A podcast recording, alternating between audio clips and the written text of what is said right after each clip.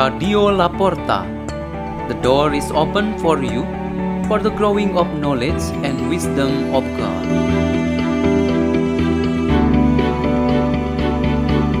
By the Laporta collaboration led by Peter Tukan, priest of the Salesians of Don Bosco.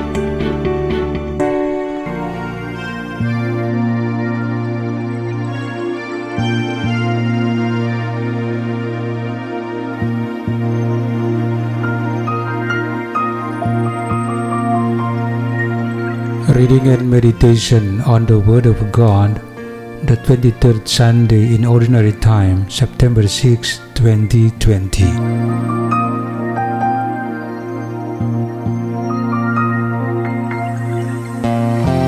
The reading is taken from the book of the prophet Ezekiel, chapter 33, verses 7 to 9. Thus says the Lord You, Son of Man, I have appointed watchmen for the house of Israel.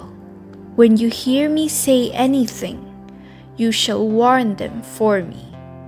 If I tell the wicked, O wicked one, you shall surely die, and you do not speak out to dissuade the wicked from his way, the wicked shall die for his guilt. But I will hold you responsible for his death. But if you warn the wicked, trying to turn him from his way, and he refuses to turn from his way, he shall die for his guilt, but you shall save yourself. The word of the Lord.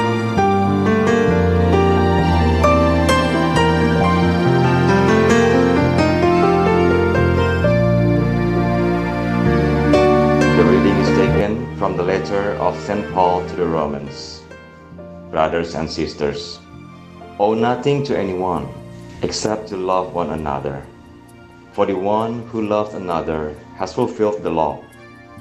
The commandments you shall not commit adultery, you shall not kill, you shall not steal, you shall not covet, and whatever other commandment there may be are summed up in this saying, namely, you shall love your neighbor as yourself. Love does no evil to the neighbor. Hence, love is the fulfillment of the law, the word of the Lord.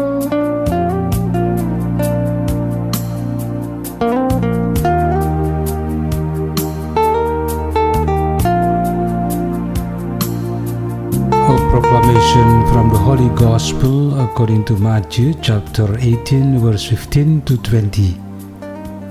Jesus said to his disciples, If your brother sins against you, go and tell him his fault between you and him alone.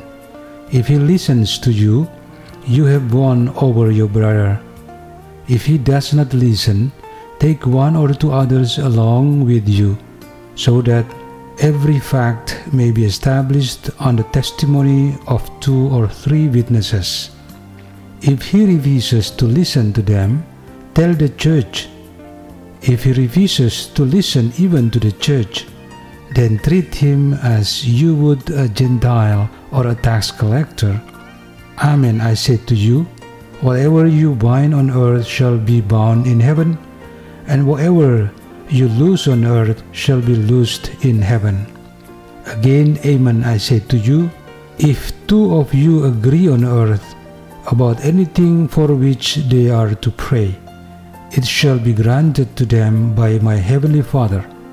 For where two or three are gathered together in my name, there am I in the midst of them. The Gospel of the Lord.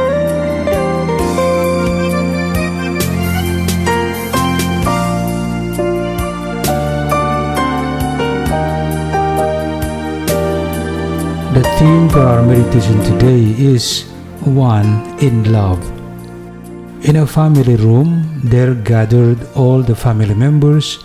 They were father, mother, and their three teenage children. There were also two cousins who joined them.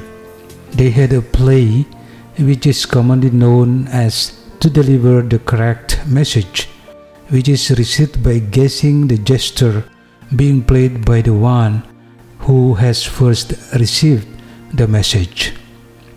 The message started from the father of the family who received a written message about an event or an animal. He delivered that message by showing his gestures to his wife and followed by the rest who were standing back to back. We can imagine how complicated and difficult it is to receive a message and deliver it correctly and properly. According to one of the children, it is normal to have difficulty in receiving messages and passing them to others.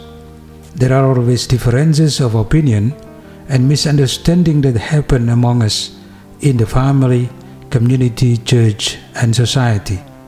However, it is true to say that God never disagrees with us and create conflict with us. He surely enlightens and guides us with one word, but on our part, we normally have limited understanding that causes disagreement and conflict among us. The owner of the word is only one, namely God.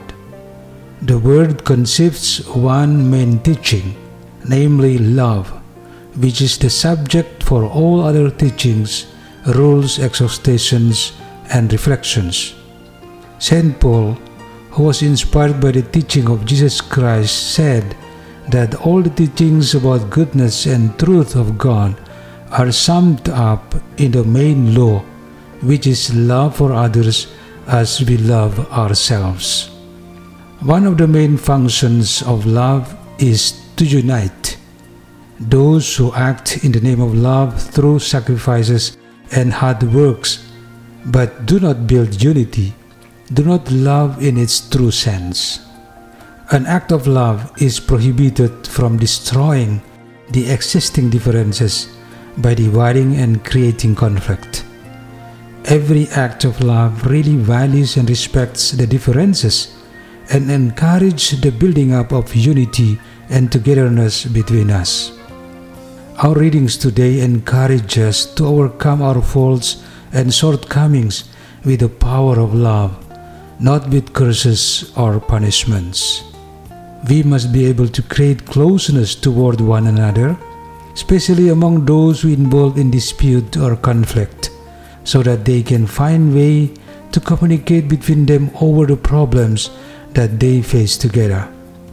They need to promote an approach which we call a brotherly correction that prioritizes mutual respect of each party.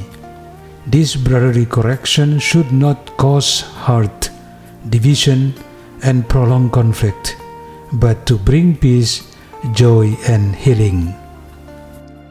Let's pray. In the name of the Father, and of the Son, and of the Holy Spirit. Amen. O good Father, may this Sunday celebration sanctify us with your blessings and love. Our Father who art in heaven, hallowed be thy name. Thy kingdom come, thy will be done on earth as it is in heaven. Give us this day our daily bread and forgive us our trespasses, as we forgive those who trespass against us. And lead us not into temptation, but deliver us from evil. Amen. In the name of the Father, and of the Son, and of the Holy Spirit. Amen. Radio La Porta. The door is open for you.